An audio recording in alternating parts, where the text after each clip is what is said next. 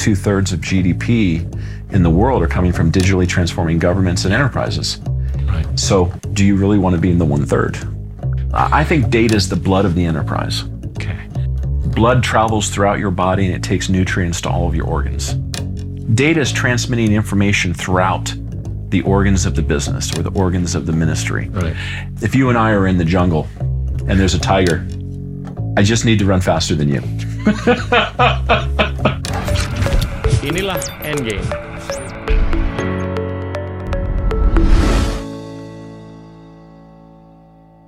Halo teman-teman, hari ini kita kedatangan Paul Burton. Uh, beliau adalah pimpinan dari IBM untuk seluruh Asia Pasifik.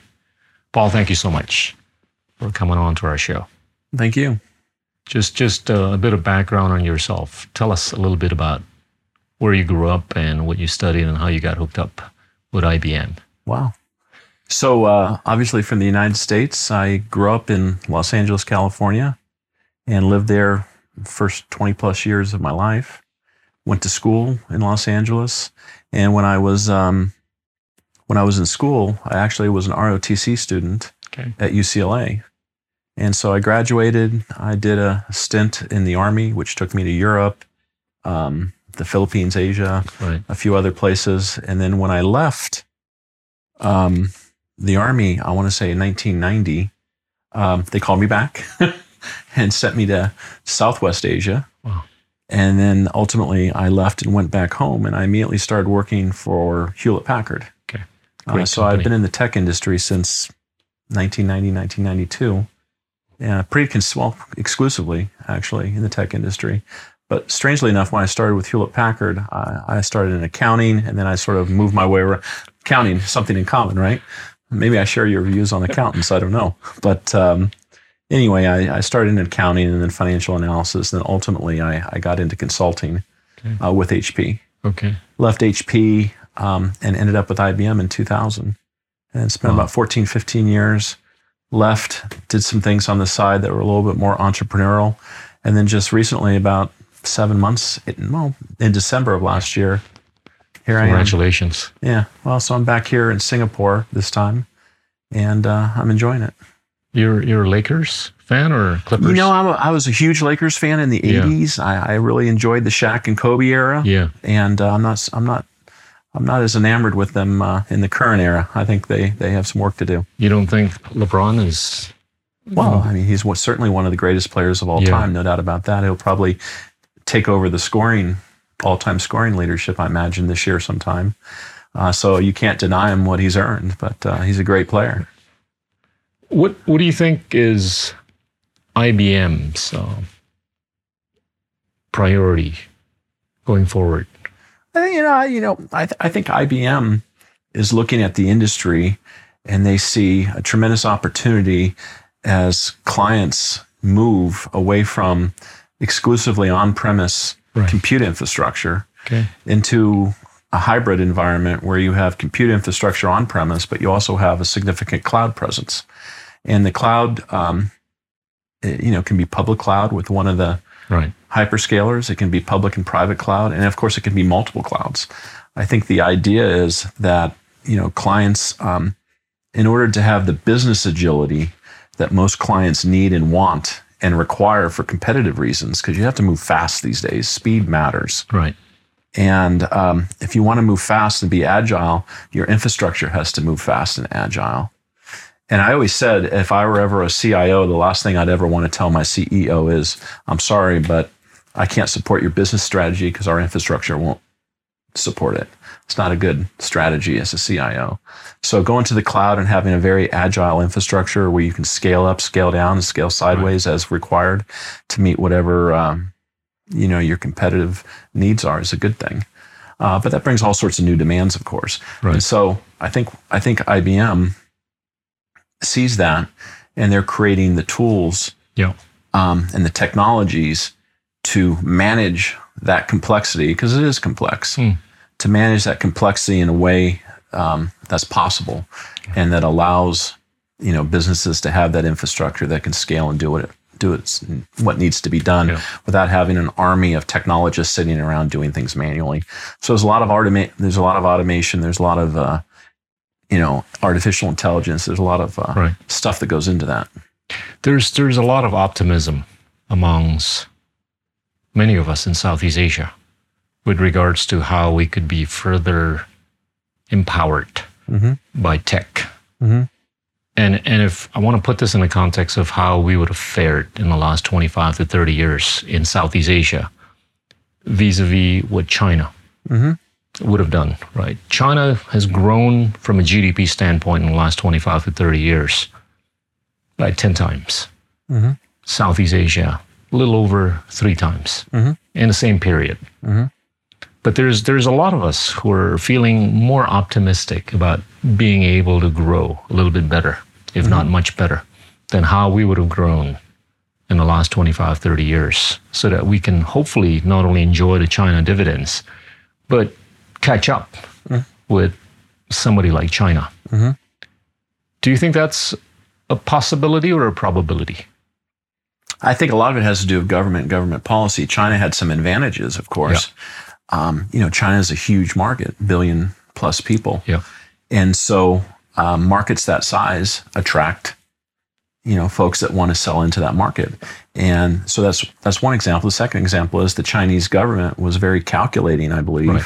in terms of mercantilist, you might say, but Correct. very calculating for sure in terms of inviting Western companies in, Western technology in, but then requiring things like technology transfers and things of that nature so that their workforce could get skilled up and they could catch up, if you will. Yeah. And a lot of that was driven by, um, well, I shouldn't say a lot of it, but certainly some of it was driven by, um, you know, historical Chinese attitudes about dependence and uh, vulnerability Right. um, so, um, so China had some. China had a government that was very controlling. Um, you know, prescribed specific policies and then drove adherence to those policies. And then they were very attractive from a size perspective.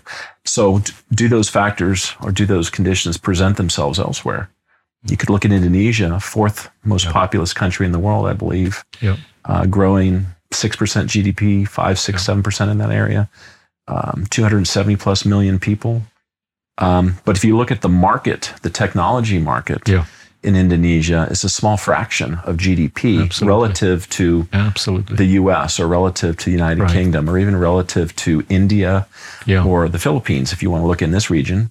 And so um, I would say that if the government in Indonesia wanted to develop quickly in a directed way, uh, it would require some type of government policy and some type of emphasis sure.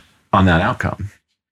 Um, but I would say this um, the numbers that I'm seeing suggest that two thirds of GDP in the world are coming from digitally transforming governments and enterprises. Right. So, do you really want to be in the one third? Um, Yeah. And so, digital But infrastructure. speaks of the upside yeah. potential, right? Yeah. Yeah. And so, the, the phrase I like to use is um, if you and I are in the jungle and there's a tiger, I just need to run faster than you. I That's think all you that- are. I think you are because you're taller than me. Well, I- I'm carrying a few more pounds than you are, I think. So maybe I'm not that nimble.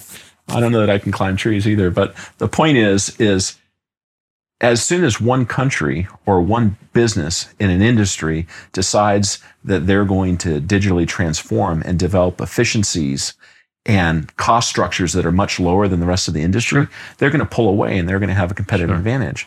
But success leaves footprints. And so other companies or nations, as the case Yeah. may be, are going to want to follow this footprints and catch up. Right. So all advantages are fleeting, I guess is what I would say, Yeah. unless you can somehow regulate access to the technology that gives you the advantage in the first place, Yeah. which is generally not the case. So, Mm. um, but I think digital transformation on a national scale is something that many, and it was accelerated by the pandemic, right? Yeah. um, the countries around ASEAN that I'm familiar with um, took really discontinuous leaps forward in terms of digital transformation when the pandemic hit. Um, there were countries that had to develop, distribute tens of millions of dollars Right. of aid electronically, and they'd never done it before, Yeah. but they had to figure it out and do it inside of two or three months. Yeah. And so, how did they do this? But for the Mm. application of technology or the exploitation of technology, if you Yeah. want to look at it that way.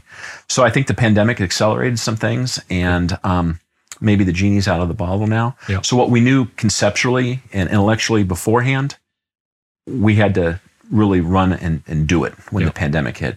And now we see the fruits of our labor, and now it's going to move forward at pace. I think that's what's happening worldwide, actually. The, the three notable reasons as to why Southeast Asia would have been lagging behind China would probably be education, Mhm. infrastructure, Mhm. which could include tech infrastructure, Mhm.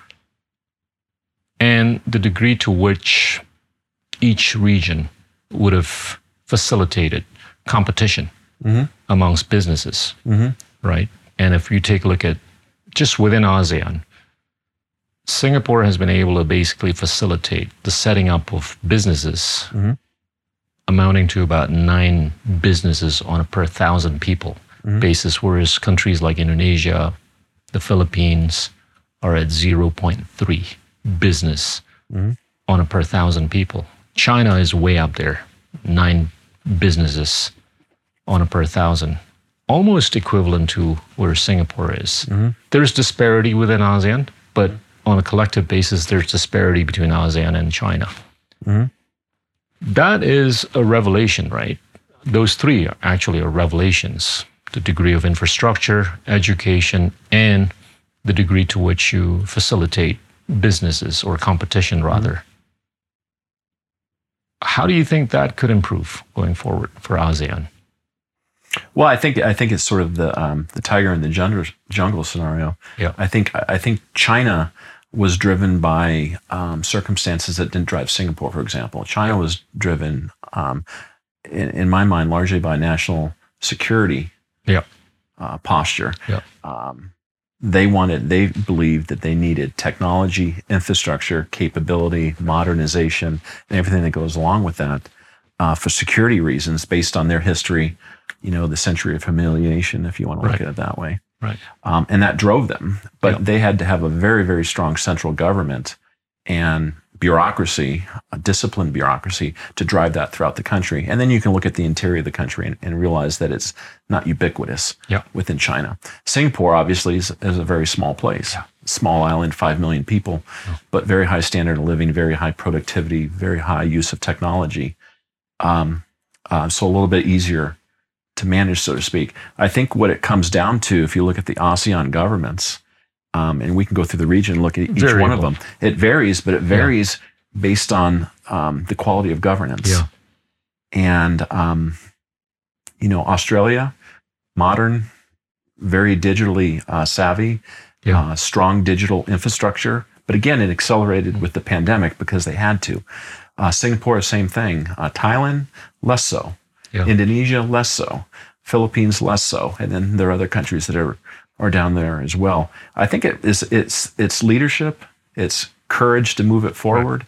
It's an understanding that um, if they don't digitize and modernize and create the infrastructure, Yeah. and then create incentives for entrepreneurs or for people to do what I think in many ways comes naturally for them to be entrepreneurial and look to improve not only their situation but the situation of others. Yeah. Um, but they got to have the incentives Yeah. from the government and then the freedom to do it.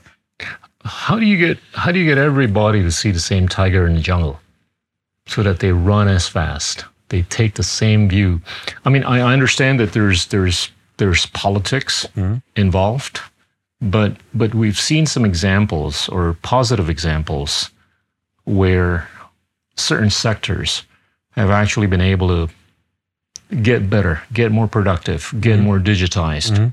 Without political leadership intervention, Mhm. right?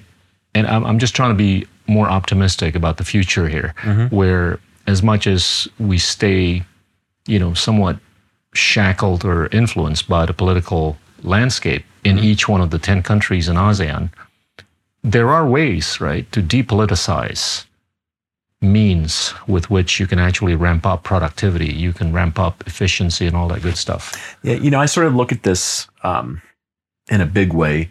I look Yeah. at it broadly and then I boil down into details. Yeah. And so I can make a couple broad statements. Um, closed systems always fail. Okay. Because they don't take input from the environment, they don't adapt, they don't evolve. So they always fail. It's just a question of time. Yeah. Um, And so comparison is an incredibly important thing. Yeah. Um, so another big broad statement. Um, can you think of a country or the leadership of a country? It doesn't matter whether what the form of government is. Just think of the leadership of a country.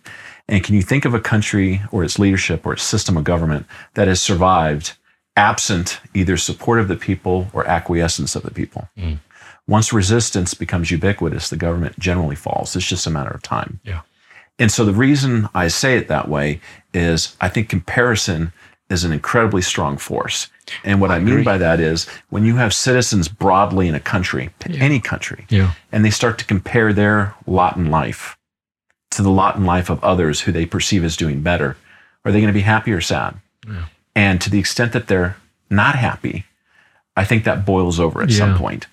And It's going to poli- get them moving. Yeah. and politicians at the end of the day um, want one thing, and that's to stay in power. Right. So the only way that they can do that is they have to adapt and evolve, which means they have to evolve the governance of the country. And so I, I that's an optimistic view. At Yeah. least I think it is, because Yeah. what it means is Sure. is that governments are ultimately going to be responsible to their people as a matter of self-interest for the government itself. And what's necessary is that the system is not closed off so that they can get the information, the people can get the information and transmit that to the government, and the government can then come up with proper policies. So I'm optimistic that if the system is open, Yeah. it will evolve. It's just a question of how fast. I agree. And if the system is closed, then it requires the government to have a tremendous amount of repressive capacity to keep it closed. Yeah. And that's a situation that we really only see in very, very few places. And it remains to be seen how long that can go on. It's it's not that easy, you know, in many countries around the world Mm-hmm. to get everybody or to get enough people to be as open-minded Mhm. as those that you might be seeing in some other countries, Mm-hmm. right? It's it's not easy. And and I'm also seeing some sort of an irony or a paradox where there's quite a number of democracies around the world Mhm. That have been supposed to democratize talent, Mm-hmm. but they've not been able to democratize talent. They've been selecting talent a lot more based on loyalty or patronage as opposed to meritocracy. Mhm. Whereas on the other hand, an autocracy like China, I think has been pretty good at selecting talent based on meritocracy. They've been able to democratize talent Mhm. better than many democracies around the world. Mhm. Isn't that paradoxical? Well, I think um, I I, th- I think so. Talent is a big issue, Yeah. and I look at internet usage as an example. Yeah. And Indonesia, for example, is a very high percentage of folks on the internet. But they look at TikTok and Instagram. I'm sure they look at more than that, but um, I guess my my point is, and this gets back to this idea of comparison, is once you see what's going on elsewhere, you can't. It's human nature to compare that to whatever your current circumstances are. And I think at the end of the day, if you have access to information, and information's free, so to speak, which much of it is on the internet these days, um, you know, social movements happen quite naturally. Yeah. And people bind together, they associate. Um, and so I think ultimately, unless there's some type of um, artificial intervention, I think people will, um, you know, will point the way out. And I think the government will get there. It just takes a little bit of time. Yeah, but but but at the same time, th- th- this is another paradox that I'm seeing where, and I've, I've been raising this, you know, a few times in the past, where we're we're seeing tremendous degree of democratization of information. Mhm. Right, you can you can see lots of stuff. You back in the old days, some or many countries have only have they only have one channel. Mm-hmm. I mean, one TV station. Now they got 1000s mm-hmm. to access information mm-hmm. through. While that, there's still not a whole lot of democratization of ideas. If any ideas are actually getting polarized, Mhm. you get to choose either left or right at the expense of the center or centrality. That, that, I think, to me, is a mockery, where we have tremendous degree of information by way of this massive infrastructure, mm-hmm. you know, from a technological standpoint, right? So that people could look at thousands of channels mm-hmm. for information gathering mm-hmm. purposes, but they end up polarized Yeah. at two ends. Information overload. Yeah. But there's there's got to be a way to make sure that it translates to a true democratization of ideas, right? So you get a full spectrum of ideas. Wh- Why why why do I have to just go left or right? Why can't I go straight? Well, you know, I think that's in many cases what you see in the U.S. right now is you see a tremendous. Um, the media is polarized, Right. and we can argue which way they're polarized. I guess it depends on who you talk to, right? Um, you know, some would say you know this way, some would say that way, but um, there's so much information out there. So I, I guess I guess my point is is um, so information is meant to be free, so let it be free and let people decide. Yep. But it requires that people engage with the information in sort of an analytical and discerning way. And when you have, um, you know, media, whether it be newspapers, talk shows, podcasts, um, whatever, pointing things out and driving, you know, there's confirmation bias, right? People, people are disposed for whatever reason to believe something. And when they have something that confirms their bias, they roll with it. And then if there's a high volume of that, then you can see them being pushed to one side of the spectrum or another. I, I get that, but there's there's an element where the design was to cause virality, Mhm. which would have unintended consequences, Mhm. right? The social media platforms are not editorialized. Whereas if you read a newspaper with a circulation of no more than 400,000 readers, Mhm. it's got a chief editor. Well, I think we got to have good theory to start with. Yeah. And what I mean by good theory is we've got to have a belief, Yeah. hopefully supported by empirical evidence on the way the world works or the way this thing works. And then we start off with good theory, and then hopefully we find empirical evidence to support the theory. We test hypotheses. Yeah. I think this gets back to the scientific method without using, without going too deep there. I think um, if all we're ever doing is observing events and then saying it supports my narrative, I think you got to go deeper than that. You got to say, why does the world work this way? Why does this situation keep recurring? And at the end of the day, you've got to have some type of theory that explains it and then hypotheses that support it. And I think we're skipping those steps. Yeah. I think what we've done is social science has become cheap instead of rigorous. It's become easy instead of analytical and disciplined. And I think when we get back to basics Yeah. and we start rigorously testing theories with hypotheses supported by data, supported ultimately by observations about the way the world really works. I mean, we were talking briefly about the Higgs boson, and I'm not a physicist, by the way. Yeah. so I'm sure I'll get something wrong. But that was rigorously proved with mathematics long before it was able to be observed with Yeah. the Large Hadron Collider, I with guess experiments with nothing. Yeah. So we, we came up with this theory that it should exist. We came up with mathematical logic Yeah. and equations that said, yes, it makes sense. It should exist.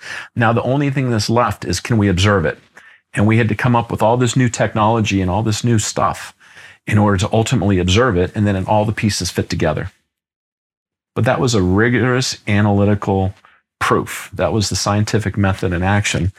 And if we can't do that in some shape, form, or fashion with some of the social phenomena that we're seeing, Toast. then We're we're, not be being, toast. It's not constructive. Let's put it that way. Yeah, I agree. But okay. What what do you think of data? I mean, a lot of people have been saying it's the new oil, it's the new water. Hmm. How would- essential? So I have, a, new- Is- I, I have, is- a, I have a, a little bit different take on that. Yeah. So I, I heard the the new oil and all of that. Yeah, the and, new water, Yeah, yeah, and, and those are interesting. But it's the actually, ultimate resource. I think data is the blood of the enterprise. Okay. And what I mean by that is, um, blood travels throughout your body and it takes nutrients to all of your organs. Okay. Okay. And so, and it carries oxygen to your lungs, I believe. So hopefully, I won't get myself in trouble with the, with the medical aspects of this. But um, and so I think that's the right metaphor because if you're looking at a corporation or even a business, uh, a government enterprise, a ministry, Yeah.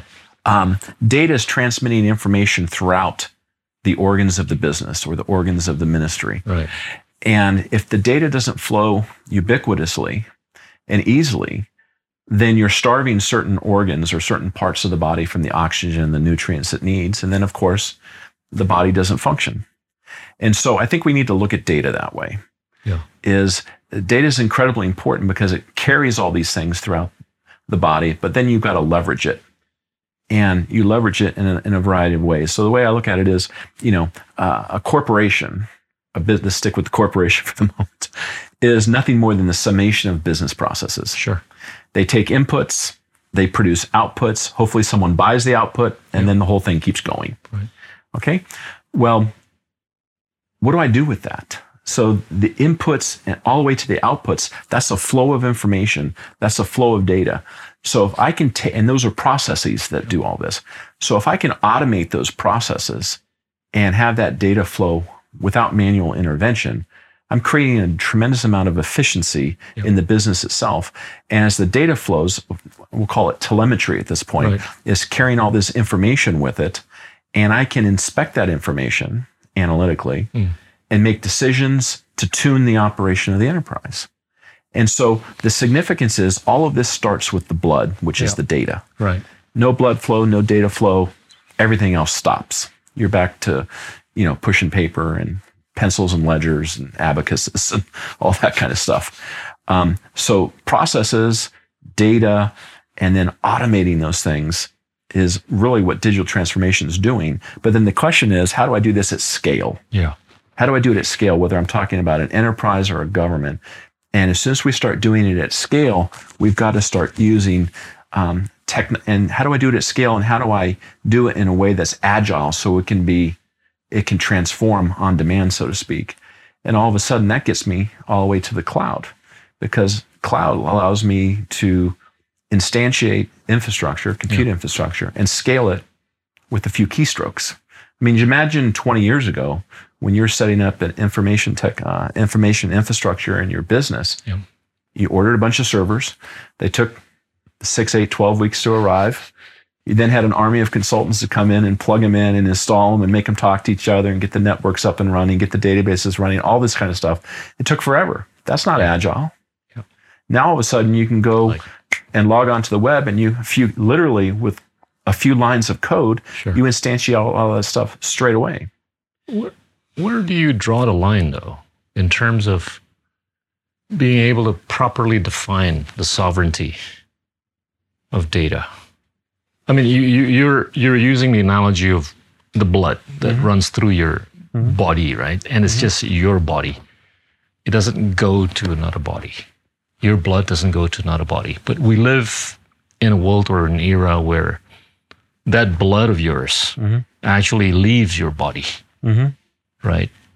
Country to country, company to company, Mhm. place to place, or what? Where where do you draw the line? Where, where do you draw the line on who owns your DNA? Yeah. Yeah. How do you do that? Well, that's the big issue, right? I mean, who owns your DNA? Because because it, it becomes a debate, right? Within many countries and amongst many countries. Yeah. You've you've got the GDPR model Mhm. in Europe where it seems to be pretty risk averse Mhm. in terms of protecting your data. Mhm. Indonesia seems to be moving in that direction. Mm-hmm. Some other countries are not.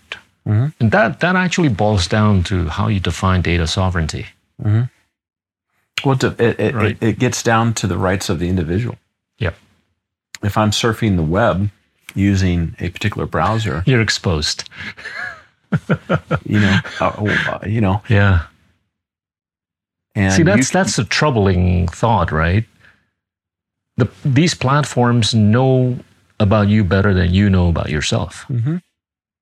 How do how do we improve humanity so that we can actually know as good as well as these platforms know about myself? Know, there was a, there was a famous law review article in the U.S. written, I want to say in in the 1890s. I wish I could remember the name of it, but it was a seminal article on privacy. Okay.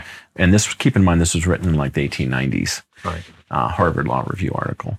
And I believe what they said in that article was the right to privacy is the right to be forgotten Okay. or the right to be anonymous.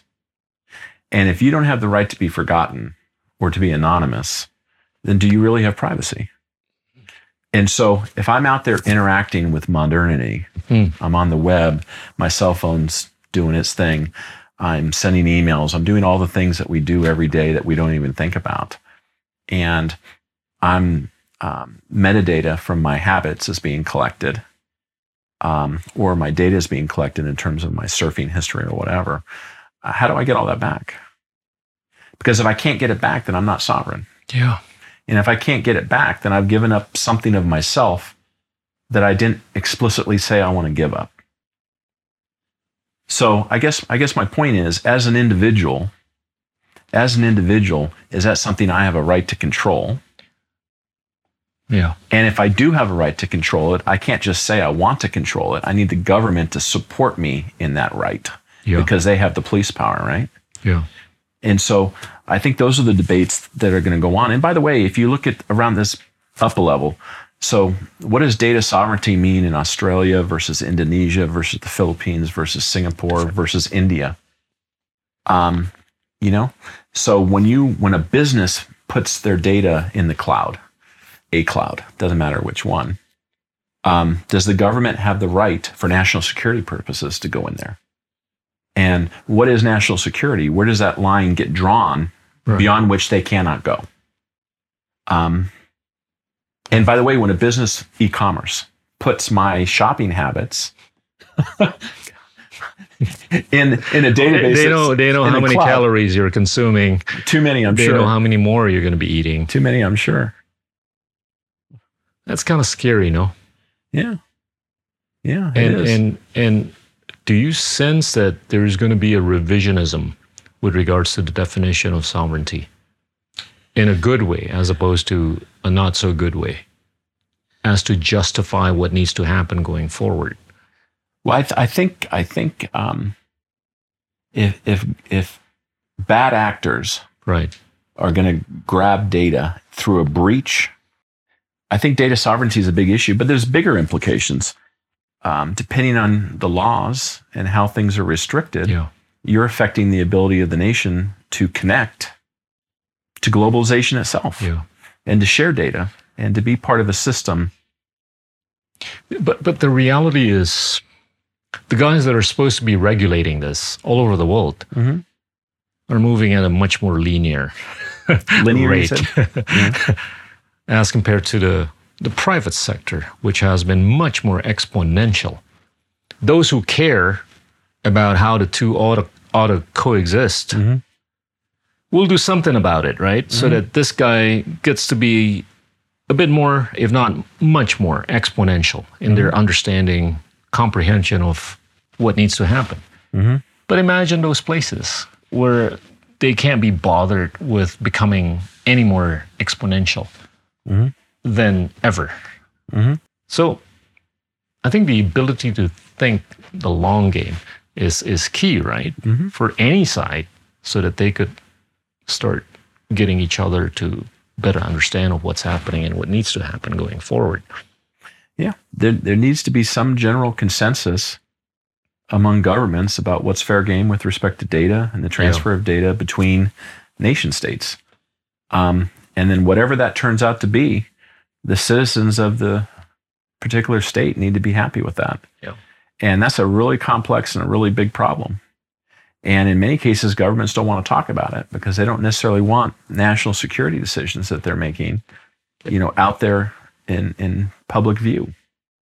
And so it's a big problem. It's a big problem. I mean, I mean, you, you you suggested that, you know, it's the people's choice, right, to use their handphones and start clicking Mm-hmm. on your e-commerce or Mhm. whatever.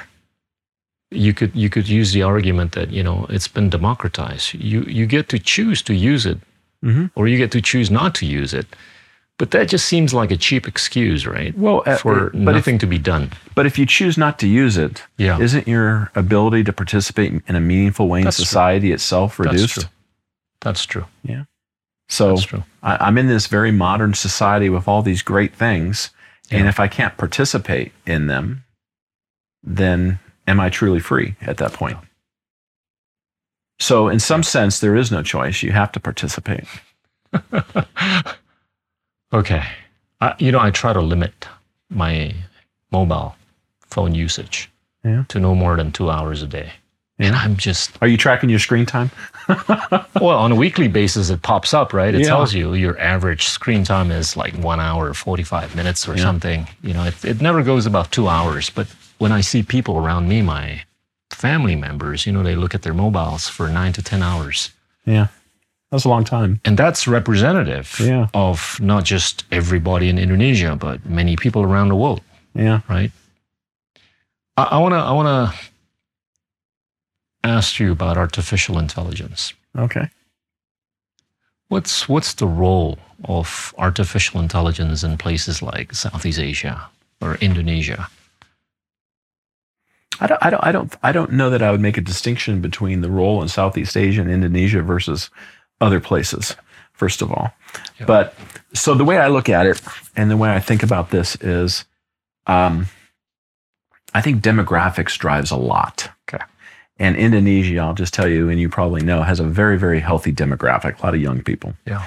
The Philippines, very healthy demographic. Singapore, not so much. China, not so much. Yeah. Um, and we could go on and on. But the the point I'm on is um, artificial. If Japan would be a great example of a very Yep. poor demographic, they're depopulating. Their population is going down, right? And so I guess my point is is we've got this very modern society that's becoming increasingly modern with technology and all these things, and we're producing fewer and fewer young people to come up, right? Which means fewer and fewer young people paying taxes to support the older people that are coming out of that are. So you, you get that whole problem. Yeah. Well, but here's the point: what if those young people don't have the skills to keep all this technology and all this automation and all these modern things that we've done up and running? And so the answer is not the answer, but an answer, a contributing answer is what if we have artificial intelligence that is reflexive and self aware and can look at business processes and keep them going? Now, I'm not talking about anything like a general um, intelligence or anything like that. Sure. Those are big words for bigger thinking people. Right. I'm just simply saying, what, what if business processes can adapt based on artificial intelligence, machine learning, things like that, that are able to make decisions and learn in real time and therefore keep things moving? So, what does artificial intelligence offer us the ability to do? It offers us a partial solution Hmm. To what I think just about everyone, especially in Southeast Asia, would describe as a skills gap. But it's dependent on the blood flow in the corporation data. If Yeah. if blood's not flowing through the organs of the corporation, then there is no artificial intelligence, the brain, Yeah. being powered by that blood flow and the oxygen and the nutrients and all of that, and the the body fails. Yeah. And so artificial intelligence is is not going away; it's getting better. It consumes a lot of data, and it has certain um, requirements, data, and the infrastructure to feed all that data. And I think it's only going to get better, and it's only going to get stronger. I don't Yeah. know how a modern enterprise exists going forward um, without. And by the way, all the data you can go look at all the analyst reports, and it's all out there. Th- this battle, this this question has been answered. The battle is over. It's just a question of implementing it. Yeah. And so artificial intelligence is pervasive, and it's getting into every business and every business process. And so the, we talked about the web a little, bit, or not the web, the cloud a little bit earlier, and this idea that clients are moving infrastructure to the cloud so they can have an agile infrastructure that can expand quickly on demand. Right. Agile. Well, the idea is if you think about all the applications that exist out there that drive businesses, all of them, and you think about the idea of I've got to take those applications and re-architect them, Mm. port them, migrate them to a cloud-based environment. You're not just going to lift and shift. You're going to re-architect and port that thing Mm. and infuse intelligence into it. And that's the business opportunity going forward for many of these tech companies because it's easily a multi-trillion dollar market when you think about all of the applications that are out there that have to go and get lifted up and then infusing them with artificial intelligence in a responsible way um, ethical ai if, as you describe it or as is being talked about so um, that's what I see as the opportunity. The cloud is here. That battle's been won. That decision's been made. But now we've got to move the infrastructure. And to move the infrastructure, we got to report, rewrite, re-architect all these applications, move it. And if we're going to go to all that trouble, we're going to infuse it with AI so that it's smart. Because we see the skills gap and we see Yeah. the demographic challenges going forward Right. that are only going to get worse. The the economic value is just too good to be true. It's too good to resist. I mean, you know, I mean, you know, I've- I've read many of these reports, one of which basically illustrates the delta that's going to come from AI is just going to be about a hundred trillion dollars in the next ten years. Yeah, it's a big number. Much bigger than some of the other big disruptions, right? Be it genomics, Yeah. data storage, blockchain. Yeah, so the, there's a real there's massive. there's a really famous I don't know how famous it is, um, but it's it's a fairly well known graph that right. just it really impresses me every time I think about it because it's really profound. You really got to think about it. If let's rewind 20, 2022 years ago. Yeah. Have I got that right? Yeah, tw- Yeah, 20, 22 years ago. I want to make sure I got my dates right to to zero. Yeah. Okay. Now, if you look at the standard of living, the wealth of the average person, the human condition at year mm-hmm. zero, and now start moving forward. And the y axis is standard of living, wealth, human condition, however you want to describe that. And the x axis is time. Start at year zero. The line is flat until when? Somewhere around 1800. What happens in 1800? Steam engine. So now the line starts to arc up just a teeny bit, Yeah. very gradual, but it stays pretty much right there Yeah. until 20th century. yeah, 1950s Yeah. when transportation went to the next level with intercontinental air Sure. and obviously the shipping and all of that. Um, but then something happened in the 1960s or 70s, and the dates are not exact. We started putting computers in data centers for corporations, and it had data processing, and that created a level of efficiency. And the line arced up a little. The slope of the line arced up a little bit more, and it stayed that way until the 1990s. What happened in the 90s? The World Wide Web. So the line arced up a little bit more. yeah. And then we get to the two, the, the um, 2010, 2020 in that area recently, analytics. Yeah. And now the line arcs up a little bit more, which means it's steeper, which means people's standard of living is increasing at a faster pace. But what's next on the horizon? Artificial intelligence is, causes the line to arc up even more. Yeah. And then what goes beyond that? Quantum computing. And so what you see is a line that goes like this for 1800 years and then it slightly and then Actually, boom. for for 4.6 billion years. yeah. Well, it, but then it, in the last 20 Yeah, years, it's gone vertical. I'm a little bit of hyperbole there, but not Yeah. much. It goes vertical. And the standard of living, how many people have been lifted out of poverty in the last 50 years? In the billions. More than in the previous 1800 years Yeah. or 2000 years, a Yeah. long time. Yeah. And that's because of technology. And so the, the the reason I like that curve so much, and there, you know, Jeff Sachs wrote a book, and he has a slightly different version of this graph, but the same concept. Every change in the human condition has been punctuated by a change in technology. Yeah. Technology, transportation, Sure. communications, and computing, artificial intelligence, quantum. And it's made a big difference for people everywhere, given by the uh, evidence by the fact that how many people have been lifted out of poverty? Lots, millions, billions. And what's going to happen going forward? No, I, I don't I don't deny. Lots of good things have been happening in in the last few decades by way of technological innovations, right? Mhm. But one inescapable fact is the fact that we still have not been able to resolve inequality. Inequality. Right. Yeah. That's that's the sad part of the narrative, Mhm. right? And I'm always hopeful that technology will provide the answer, right? For purposes of bringing about more equality. I mean, it's it's kind of sad that you know we've gotten so much more inclusion, Mhm. technologically, socially, economically, you name it, right? But it hasn't translated into the kind of equality Mhm. that one would have hoped for. Gini ratios are rising in many countries around the world, Mhm. right? That that I think will be a pretty perennial issue.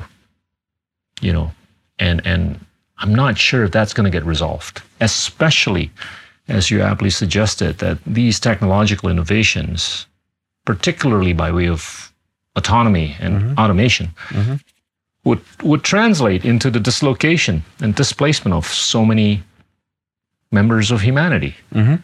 And what are you going to do about that? Yeah. The social unintended consequences are not to be under, uh, underestimated. I think it's a fairly natural thing for people that are successful to try to lock in their success. Yeah. And so you go out there, you create a company, and you make a billion dollars or some some big number. Right. I guess a billion's not all that big anymore, right? I think we're going to see a trillionaire in the next decade. But anyway, um, and there's a tremendous uh, desire, and it, it comes fairly naturally uh, to lock in whatever you've done to protect what you have. Right. And so when people build these big businesses, they want to lock it in. Yeah. And when people, um, and when, uh, so the average is over. I'm, I'm okay with locking yourself in, right? Yeah. But it doesn't mean that you can't do stuff with those that are still at the bottom, Yeah. right? The system needs to work Mhm. as to basically lift more and more hundreds of millions, if not billions, Yeah. out of the trap that they've been in or they're going to be in. But someone needs to make a decision Right. as to how they're going to be lifted, under what, what conditions they're going to be lifted, and how high or how far they're going to be lifted. Yeah. I, I think it goes back to the earlier point of how we can better democratize talent. You know, human capital is just the answer to so many things. I think what we're going to see with technology, and what I'm seeing with technology is, as as we automate processes, and we take labor out of the equation, Yeah. all that labor is going to be freed up for a higher valued purpose. Yeah. And the question is, what is that purpose, and are they skilled for it? And uh, we, we can point out examples, probably in multiple countries, where uh, manufacturing has left a particular city or, or place. And all of the blue collar jobs, the manufacturing jobs that were there, those people are now displaced. Yeah. And are they skilled to move on to the white collar jobs, the technical jobs, the technology jobs? Uh, and the answer in many cases is no. So, how, how do we deal with that? And that is a quintessential government problem. That's a matter of government policy. Someone needs to make a decision about Yeah. that. And then, of course, it needs to be paid for through taxes, et cetera. Yeah. And so there's so many variables that go into that. You can look at the um, the average tax tax extraction rate for an OECD country. 30%. Thirty, I would have said thirty-three point five, Yeah. but okay, Yeah, I'll go with thirty 30%. What's Indonesia? Less than 10%. What does that mean? What, does, what does that translate to? It, it doesn't mean badly necessarily. Mhm. There are other countries that have a much low, lower tax ratio than the typical OECD countries and are thriving very well. Singapore Yeah, is below 20%, yes, it is. but they've been able to galvanize the private sector, right, to create jobs. To Yeah, but what's but uh, Singapore has a per capita income of fifty k or better. no, I think 60 something thousand now. Okay, so Yeah. a bit even higher. Yeah. And so what that tells me when when they have that level of productivity, because that's really what that means, is productivity. Yeah. You don't get that level of productivity without a certain education and skill level. And when you have that education and skill level in a modern economy with very low unemployment, you actually don't need a high tax rate Right. because you don't need to extract and give Absolutely. back. But in a developing country, I would argue, You would need. you need a high extraction rate because you gotta you gotta skill the bottom and lift them Right. up. Right. And there's a period of time where that needs to happen. The United States, the tax rate was, I'm dating myself, but over 70% up until Reagan. Yeah. Well, let me guess which, you know, ideological orientation. You might be surprised. okay. Okay. I might I might guess wrong then. Well, you sound like a Republican then.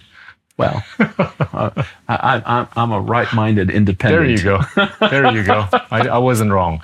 But going back to productivity, I've been I've been you know gang busting on this in classrooms where you know the marginal productivity on a PPP adjusted basis for Singapore is about one hundred seventy thousand dollars. Mhm. Indonesia's is at about twenty four thousand. Mhm. Most countries in Southeast Asia are below 50,000. Mhm. Some are 60, 70,000. Mm. So at the end of the day, we gotta we gotta do whatever it takes, right, to ramp up from 24,000 to hopefully 171,000 dollars. And that requires not just willpower, but I think it requires technological support. Mhm. Right. Well, it's, there, there is there is a better chance today onward Mhm. than what we might have experienced in the last few decades. Mhm. Right. I think so. And productivity is going to answer, you know, concerns about dislocation, concerns about displacement, concerns about disruptions, Mhm. concerns about inflation, concerns about recession, Mhm. concerns about whatever negatives are out there, Mhm. right? But it's a long game. You're not going to be able to move the needle from 24,000 to 100,000 overnight. It's going to take decades, if not years. you know, I, I, I think things happen faster these days than you might expect. And so um, I, I don't have a specific time frame for you, Okay. but I think um, I think if with concerted effort and consistent policy over the long term, you can't change policy all the time. Yeah. Um, I think it happens faster than you think, but you got to have infrastructure, physical you. I'm with physical infrastructure and digital infrastructure. Um, I, I can actually point to a number of sectors in Southeast Asia where there's been meaningful ramp up in productivity. Mhm. The aviation industry. In the days when there were no LCCs or low cost carrier, mhm. things were slightly more inefficient. But then the LCCs came about. Mhm. It brought about competitive spirits. Mhm. right? And these LCCs have been able to prove that they could do things a lot better, a lot faster, a lot more, whatever, effectively Mhm. by orders of magnitude. Mhm. Just in the last 10, 15 years, right? Ever since we saw the emergence of some of these names that I'm not going to have to mention. That I think is, is a good example where we can actually achieve the delta in a relatively short period of time. Because competition. Correct. The second is finance, Mhm. right? Financial services, where we've seen these technological financial service companies that have been able to deliver products, goods, and services at a much more efficient rate than the pre existing conventional wis- wisdom. So I think you're right. We might be able to achieve this faster. I'm just hopeful that these could be replicated in so many of the other sectors. I think they can. Yeah. I think they can. I think, um, you know, and now, now I'm going to I'm gonna reinforce your stereotype that's developing of me, right? I'm going to say, w- without burdensome government regulation, maybe we can get some things done. Yeah. But at the same time, I would be, I would be the first to admit that in some cases, government regulation is absolutely necessary. Yeah. So it depends on what we're talking about. Yeah. Um, but um, and I do believe that government has a significant role to play, especially depending on where the country is in its life cycle, Yeah. uh, its life cycle of development. Um, you know, underdeveloped countries um, with large populations, it's a tough uh, and poor infrastructures. It's it's a very difficult task, and um, and so we could look at China, but China, as I said earlier, you know, they had a lot of Stop down. yeah, it's top You know. down. but at some point, that becomes you, you get the flip side of that problem. Where now, you know, maybe a little bit more freedom Right. and liberty might go a long way in terms of helping the system adapt. Rigid things break, flexible things survive. Yeah. I, I think moving the needle on productivity up requires many things, but the two things that I think are super essential one is technology, Mhm. the other one is money. Mm-hmm. Right. And and that basically dovetails into the degree to which you can actually attract FDI. Mm-hmm. And if we take a look at Southeast Asia, Mhm. sorry to bore you with ASEAN all the time, but I know you cover Asia Pacific, but ASEAN has a varying degree of FDI, magnetism, Mhm. right?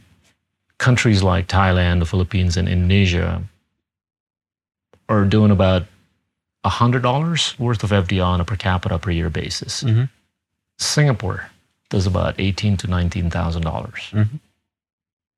Right there, it tells you why Singapore is so much more marginally productive, right? What is it about others. Singapore that wants to that attracts all Well, the FDI? I think you've covered it. They've they've shown to the world that they've been able to be open minded Mhm. about themselves. If they needed a talent, and if they didn't have it, they would get it from somewhere else. They would welcome that particular talent. They would welcome anybody from Indonesia, Africa, Russia, Middle East, or wherever. They, they would be welcoming of that talent. That's the kind of open mindedness. yeah. And then they delivered on governance, Yeah. right?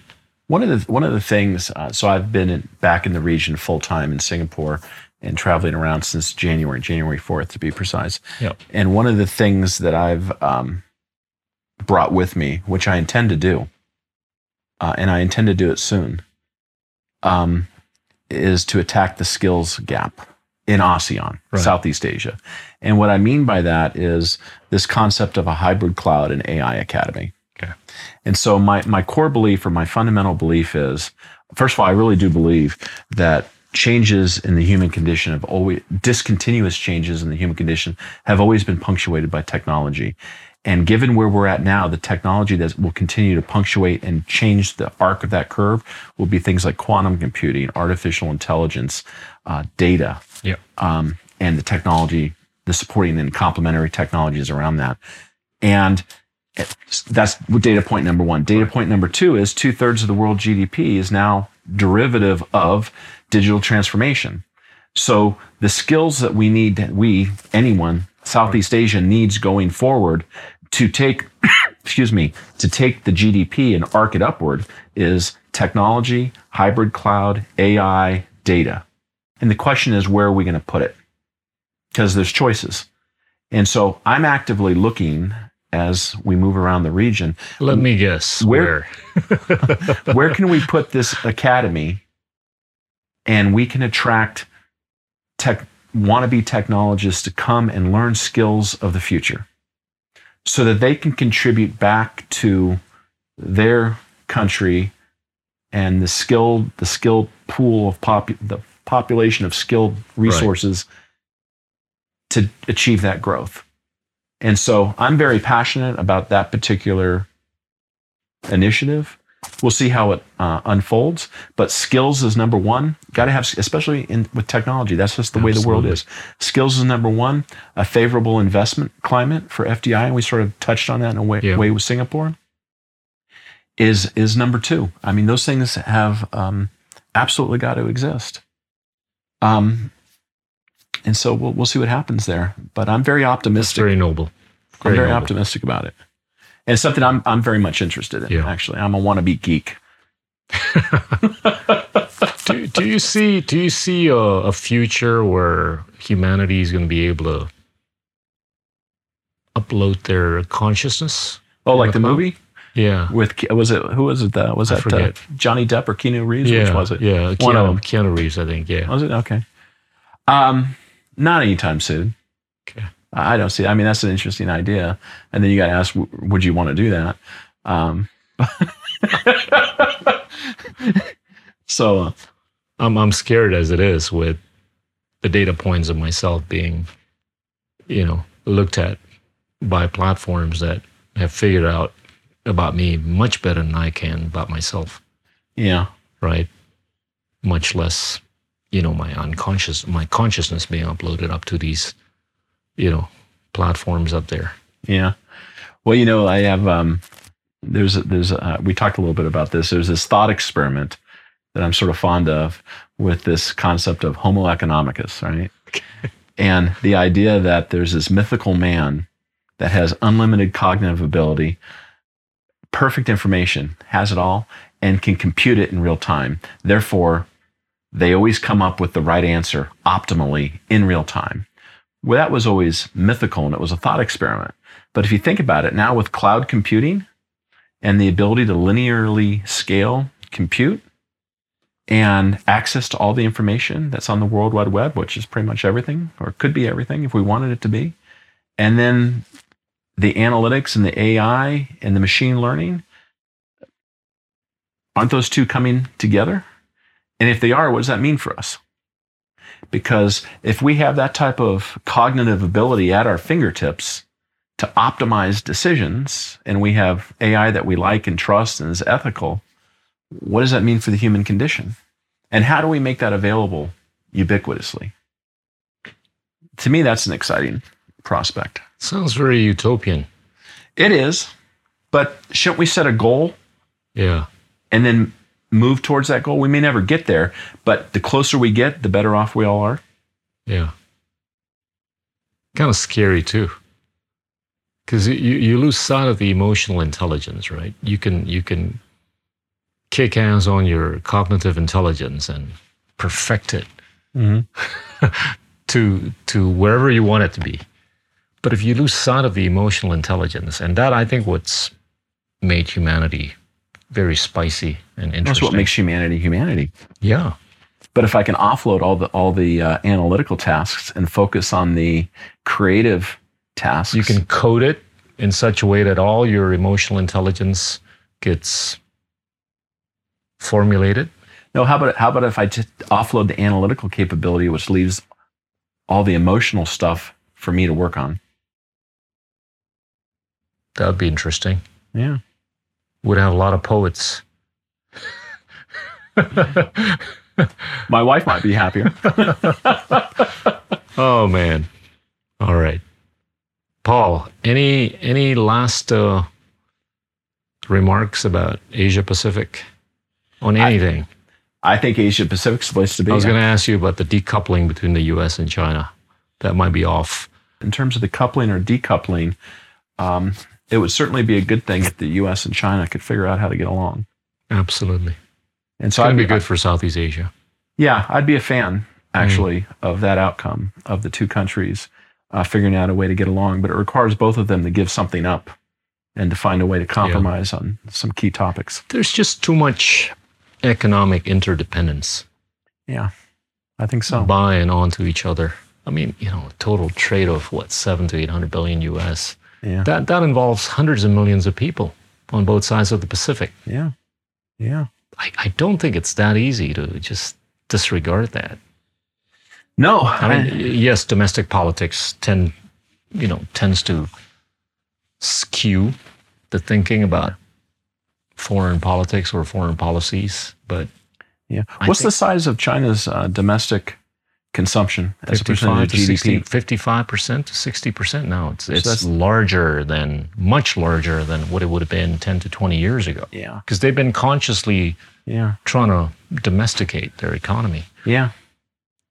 So that that uh, that is the product, I think, of a conscious effort. Yeah. But why would they do that? What's what's Germany's? Less than that. Much what's Germany's exports or imports and exports as a percentage of GDP are very high. Much, much bigger than the domestic. So you look at countries that are exposed to we'll call it globalization, and there's been a conscious, I believe, a conscious effort of China to reduce. Yeah. Now, part of that's because their economy is just getting so much bigger. Um, but um, I think there's been a conscious policy to reduce their exposure to globalization. Yeah. which which um, it, I think says a lot. Uh, We'll see exactly what it says over time, Yeah. but um, it's a pretty significant factor. Any last remarks? I'm actually optimistic. Good.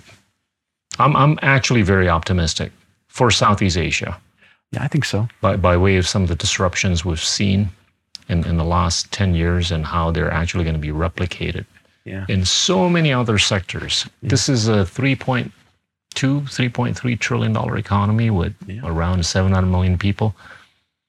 We've got scale, we've got demographics, we've got agricultural capabilities, energy capabilities, and we've got, I think we've got open mindedness, relatively speaking. Yeah. So I look at AP and I look at uh, India down through New Zealand, I Yeah. take out China because they have some um, specific policies right now that Right. Cause them to be a bit of an outliner. I see 2.6 billion people with an economy that should grow three points faster than the US, and of course, faster than Europe, and of course, Japan. And, um, and a very healthy demographic, relatively speaking. Yeah. And so I think the demographics, um, the embracing of technology, increasingly good governance broadly across Yep. the region. Of course, we can find outliers, but generally speaking, the tide is rising. Yeah. Um, I think the prospects for Asia Pacific are really strong, and I would look for really positive things to be happening here. I think the twenty, um, I think the twenty twenties are the decade for Asia Pacific. I believe that. The next, Sounds I like guess, eight years. Sounds like you, you're going to be around for much longer. Well, we'll see. we'll see how things go. But uh, I, I'm not. Uh, I'm not booking plans or tickets for anywhere else right now. Good. But uh, I, I'm positive about Asia Pacific Yeah. for a variety of reasons, a few of which I just mentioned. Thank you, sir. Thank, you. so much for coming on to our show. Thanks for having me. Teman-teman, itulah Paul Burton, pimpinan dari IBM untuk Asia Pasifik. Terima kasih. Inilah Endgame,